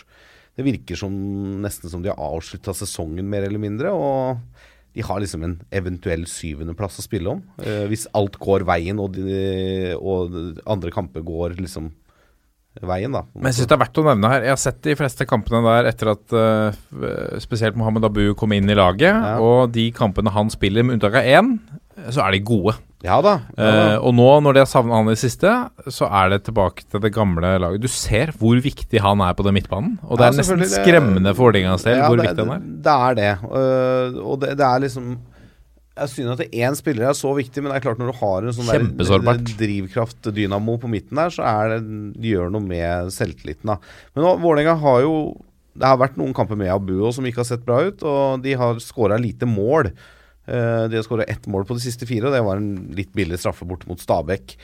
Eh, Vålerenga har heller ikke vunnet på sine tre siste besøk i Nordland. Og forrige VIF-seier på Aspmyra var i 2009. Da vant de 2-0. Historisk sett har Vålerenga et lite overtak, men dette er et uh, oppgjør det kan lukte uavgjort av. 21 av 42 innbyrdes oppgjør, altså halvparten, har endt uavgjort. Uh, Glimt mangler jo selvfølgelig fortsatt Endre Kupen, som ikke har fått sin offisielle Glimt-debut pga. korsbåndskade. Hos Vålerenga knytter det seg da usikkerhet eh, rundt nevnte Abu og Daniel Fredheim Holm. De spilt, har ikke spilt de to siste kampene. Det er ingen karantener, men Glimt får igjen sin viktige danske Philip eh, Sinkernagel etter karantene sist. Så kan det jo også nevnes at Glimt eh, kjører nå siste hjemmekamp gratis inngang. Ønsker å fylle stadion. Viktig kamp for dem. Eh, Det er jo et eh, bra tiltak for å få opp tilskuersnittet og få litt trøkk rundt kampen. Jeg holder hjemmelaget som en liten favoritt, rett og slett fordi de har mye mer å spille for enn eh, Vålerenga.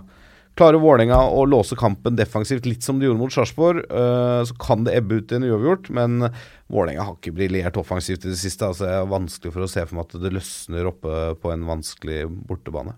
Ja.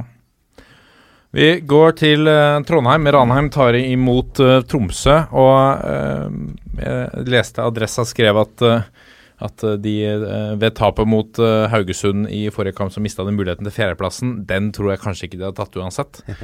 Men, men det er jo denne fjerdeplassen da, som kan gi Europaligaplass eh, hvis Rosenborg vinner eh, cupen. Ja.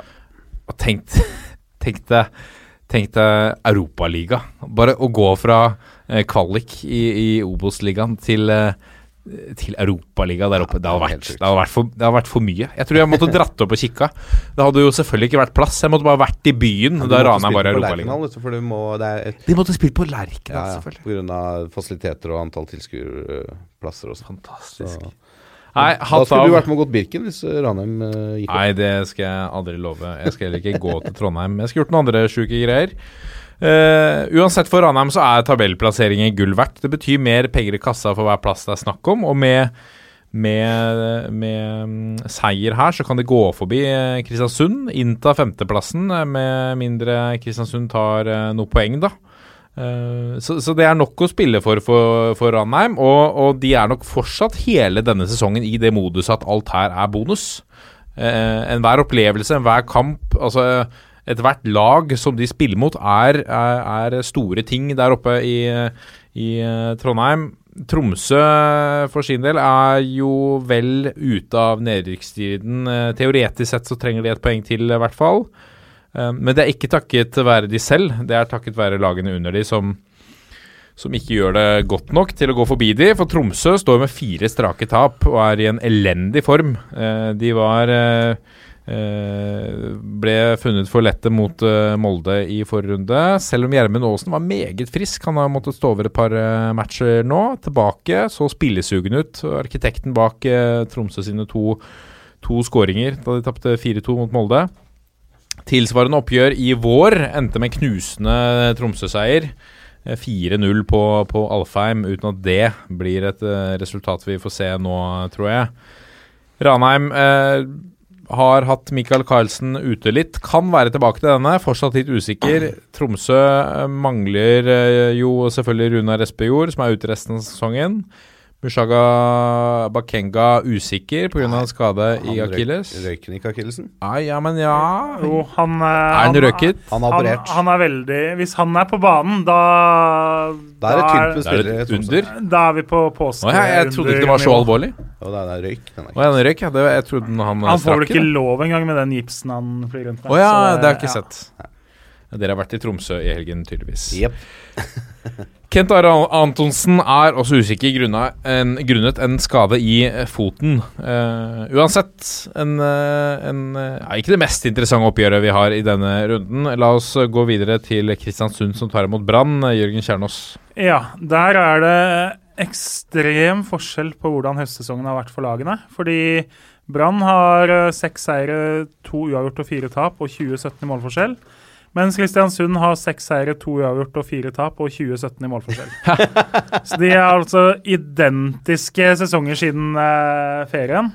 Eh, Kristiansund har jo da, når vi snakker om tabellplassering altså De er på femteplass. Det er det beste de kan oppnå fordi det er syv poeng opp. Eh, men å beholde den da, vil jo bety at de eh, Mer penger utbetalt, og ikke minst at en femteplass ser veldig mye stiligere ut enn en niende-tiendeplass.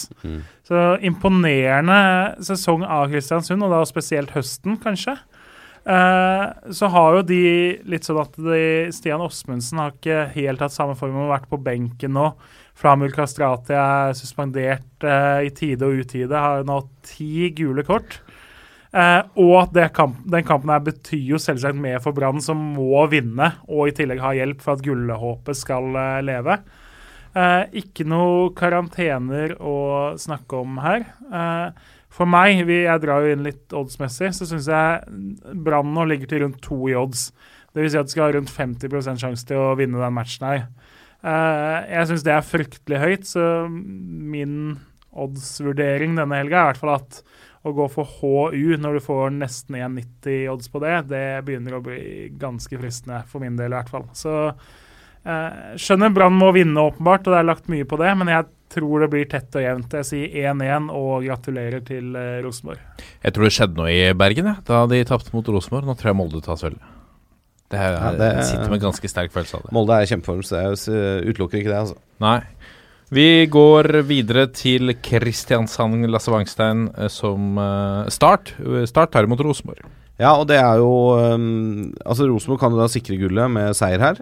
eh, og møter jo det da startlaget som vi nevnte så vidt i stad, har sett ut som det sterkeste Vil jeg si at pokalen er i Kristiansand? Jeg tror de har lyst til å ta den imot hjemme.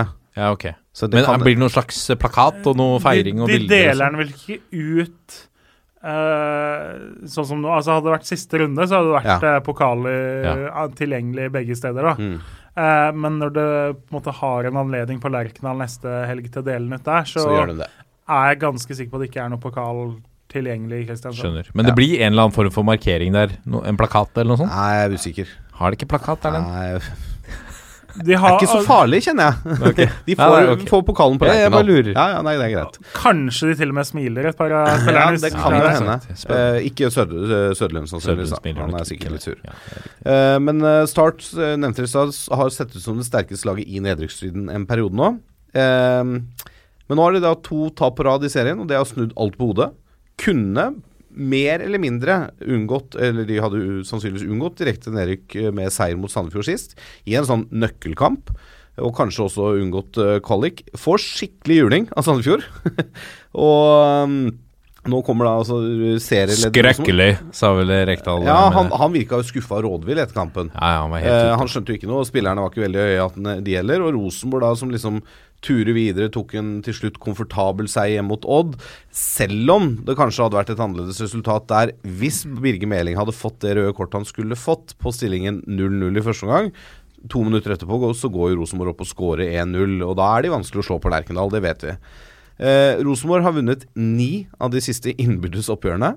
Og vi må helt tilbake til 2009-sesongen for å finne forrige startseier. Det var på Lerkendal. Da vant Start 3-2 etter Christian Bolandios sin straffe tre minutter på overtid. Polanjos, for en Ja. spiller. Det er altså 15 kamper siden sist Start slo Rosenborg. Uh, og i denne perioden har Rosenborg vunnet 12 av de. Så statistikken er vel på trøndernes side, som det ofte er. Ingen uh, karantene på Start, og som vanlig heller ingen karantene på Rosenborg. To- Tore Reginiussen står over uh, torsdagens kamp i Europa League grunnet en liten skade. Han ble byttet av til pause mot Odd, men meldes at han kan bli klar til søndag. Og det sier vel litt om hvor viktig denne kampen er for Rosenborg. Uh, start mangler Kevin Cabran, uh, som sies at det kan rekke siste serierunde om alt går veien. Jeg tror rett og slett dette blir for tøft for Start, altså, og har Rosenborg som skyhøye favoritter. Eh, Start har hatt en fin periode og sett sterkere ut, men uh, jeg tror realiteten er litt er innhenta den spillergruppa. Uh, og for de så blir det et nervedrama hele tiden. Spennende. Vi går til Marienlyst, hvor Strømsgodset tar imot Lillestrøm i Altså den kampen som jeg syns er mest interessant i, i denne runden, fordi at det er et såkalt sekspoengsoppgjør. Uh, Strømsgodset og, og Lillestrøm eh, ligger på henholdsvis 29 og 28 poeng. Vinneren av denne kampen passerer den andre på tabellen, og jeg tror at taperen i denne matchen ender fort på kvalik når vi snakker etter 30 runder.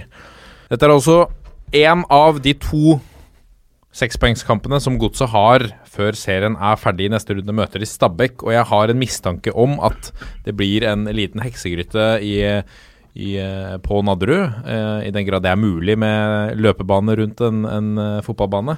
Men, men Stabæk har vært der før. De, de har klart å mobilisere når det gjelder som mest, og jeg tror at de, de vinner på, på Nadderud hvis de må det. Hvis de er ferdige, så, så går de jo ned. Um, for godsets del i denne kampen så tror jeg Lillestrøm hjemme er en litt enklere match. Med det sagt så mangler det jo en skokk av nøkkelspillere. Markus Pedersen er eh, utilgjengelig. Ulland Andersen sliter med en strekk, men blir kanskje klar. Tokmak er jo eh, suspendert, eh, som vi har snakket om. Lars Kristoffer Wilsvik er usikker, og Francisco Junior det samme. For Lillestrøm er det kun Marius Amundsen som er suspendert, ellers så stiller de sterke. Og de stiller også med Arnor Smarason, som har vært veldig viktig for Fugla. Skåra fire mål på sine fem siste matcher for, for dem. Har seks mål på elleve matcher i år. Eh, Lillestrøm er et annet lag med han på banen. Jeg tror han kan bli viktig eh, i eh, Drammen. Disse to lagene møttes jo nylig i cupen 31.10. Da vant Godset med, med 3-0. Dette er en helt annen match. De sifrene tror jeg ikke eh, vi ser eh, til helga. 2.7 spilte lagene 1-1 på Åråsen. Um, utrolig viktig. Runden soleklart eh, høydepunkt, største høydepunkt for, for eh, min del. Vi eh, raser videre til eh, Odd Stabæk på Skagerrak Arena. Jørgen Kjernås. Der kan vi jo Altså, Sandefjord eh, skal jo ha mye hjelp og resultatene med seg for å ikke bli nedrykksklare i helgen. Eh, det kan jo fort hende at vi får se Stabæk gå samme vei eh, i helgen, fordi de er jo tre poeng bak Lillestrøm og har dårligere målforskjell. Så taper de og LSK tar poeng, så er det over og ut for Stabæk. Og klart Stabæk har jo mye bra spill, skapt mye sjanser og slipper inn veldig mye unødvendig lette mål på personlig feil og uh, mye rart, rett og slett. Så de uh, ser jo litt ut som et typisk nedrykkslag. Og så er det litt det at Odd har ikke all verden å spille for. De kan bli nummer syv, eller de kan havne ned på en niendeplass. Eh, eller klatre opp til femteplass. Eh, på en måte en fin match for Stabæk å gjøre det litt på eh, sånn sett, tenker jeg. Eh, og klart Frank Poli er jo såpass skarp nå at eh, du må på en måte legge litt håpet på at han skal få det til. da. Uh, så er det jo noen snodige matcher. I fjor så endte det 0-5. Det var vel i siste runde, eller i hvert fall uh, helt mot slutten av sesongen var det òg. Eh, en av de siste rundene. Så, og Stabæk vant uh, sesongen før det også, på uh, Skagerrak Arena. Så de, de har på en måte litt flyt. De har slått uh, Odd i de fire siste matchene og, i Eliteserien. uten at det betyr all verden her. Men det, det er et lag som kommer og vet at de må vinne, mot et lag som ikke har all verden å spille for. Og det gjør jo at håpet lever for Stabæk. Jeg tror de tar poeng, men så igjen, de slipper inn så mye rare mål at uh, Se for meg en kamp hvor Stabæk er best, og så ender det 1-1-2-2 på, uh, på slutten likevel.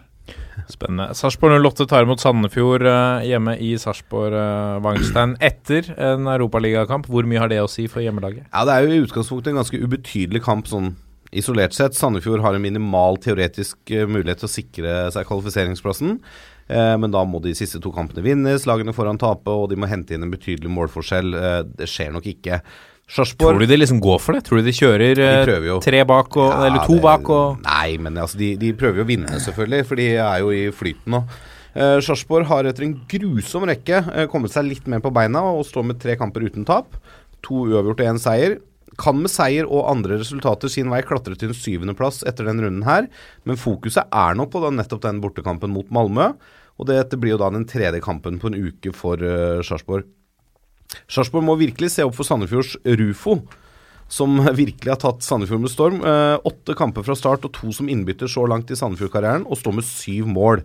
Han har skåret seks mål på de siste fem serierundene. Det er ganske imponerende. Som to sammenslåingsklubber er dette kun lagenes tiende møte. Statistikken viser 4-1-4, og en eh, målforskjell på 11-10 fordel Sarpsborg. I fjor vant hjemmelaget hele 5-0 etter at Joakim Jørgensen og Kristoffer Sakariassen skåra to mål hver, før Ole Jørgen Halvorsen fastsatte sluttresultatet. Begge tomålsskårerne fra den kampen er usikre til søndagens kamp. Sakariassen sto over mot Vålerenga sist og meldes om et brudd i skulderbladet, så Oi. han er vel ute. Jørgensen gikk av tidlig i andre omgang mot Vålerenga med en skade. For Sandefjord mangler sannsynligvis fortsatt eh, Fella. Mohammed Fella starta bra for Sandefjord, før han dessverre Fella er ute resten av sesongen? Ja, han er nok en gang skada. Det er synd for han, selvfølgelig. Ja. Sandefjord har altså kun tapt to av sine tolv siste kamper i Eliteserien, og er med det på syvendeplass i den tolvkampers formtabellen. Men er hele syv kamper er uavgjort da, i samme periode. Sarpsborg eh, har i samme periode kun to seire, én uøvert og hele ni tap. Likevel holder jeg de som en liten favoritt, selv om det skal være vanskelig å møte et lag som har funnet formen, og som kanskje spiller med lave skuldre, da, fordi at skjebnen på mange måter er for forsegla. Så jeg tror på en eh, ganske åpen og morsom kamp, selv om det ikke er den viktigste og mest spennende kampen i eh, runden. Nei, men uh, som de sier i Østfold for tida, vet du, det viktigste er ikke å vinne, men å utvikle seg videre. Det er helt riktig. Uh, lykke til med det. Ok, vi må runde her. Vi får Fantasy-rådet, eller Fantasy ja, fa Står og skraper på døren. skraper på, på veggen her. Um, og de skal inn her og snakke om uh, internasjonal uh, idrett. Uh, og da må norsk fotball vike, tydeligvis. Ja, håpløst. Vi er Toppfotball på Facebook, Twitter og Instagram. Gå gjerne inn og send oss forslag på en e-post til toppfotball at 451.no. Da blir vi glad, og så må vi runde av på sedvanlig vis på 1, 2, 3. Vi er en gjeng! Ha det! Bye.